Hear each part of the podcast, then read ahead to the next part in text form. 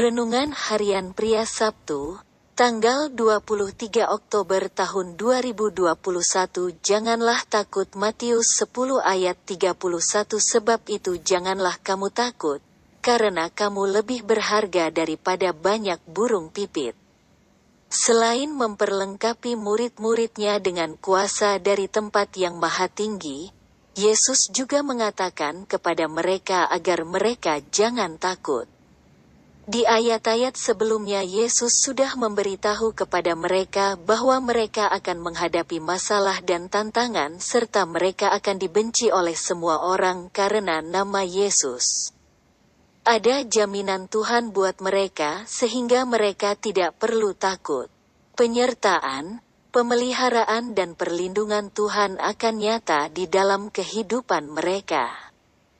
Yesus mengatakan kepada mereka bahwa Bapa yang memelihara burung pipit, pasti terlebih lagi Bapa akan memelihara mereka yang diutus oleh Yesus untuk mengerjakan pekerjaan Bapa.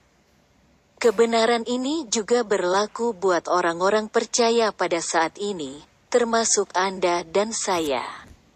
Ketika kita harus menghadapi tantangan karena iman kita kepada Yesus, maka kita juga jangan menjadi takut. Bapa di sorga juga akan menyertai, melindungi dan memelihara kita. Roh kudusnya yang sudah ada di dalam kehidupan kita, akan menolong kita dalam menghadapi tantangan itu. Apalagi sekarang kita bukan hanya murid-muridnya saja tetapi juga adalah anak-anaknya. Burung-burung di udara saja Bapa pelihara dengan baik. Apalagi kita yang adalah anak-anaknya yang dikasihinya di dalam Kristus. Oleh karena itu janganlah kita izinkan situasi, kondisi, atau siapa pun membuat kita menjadi takut. Karena hidup kita ada bersama Kristus dan ada di dalam Bapa. Aman.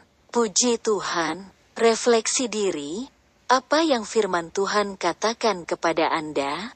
Bagaimana kehidupan Anda dengan firman Tuhan itu? Catat komitmen Anda terhadap firman Tuhan itu.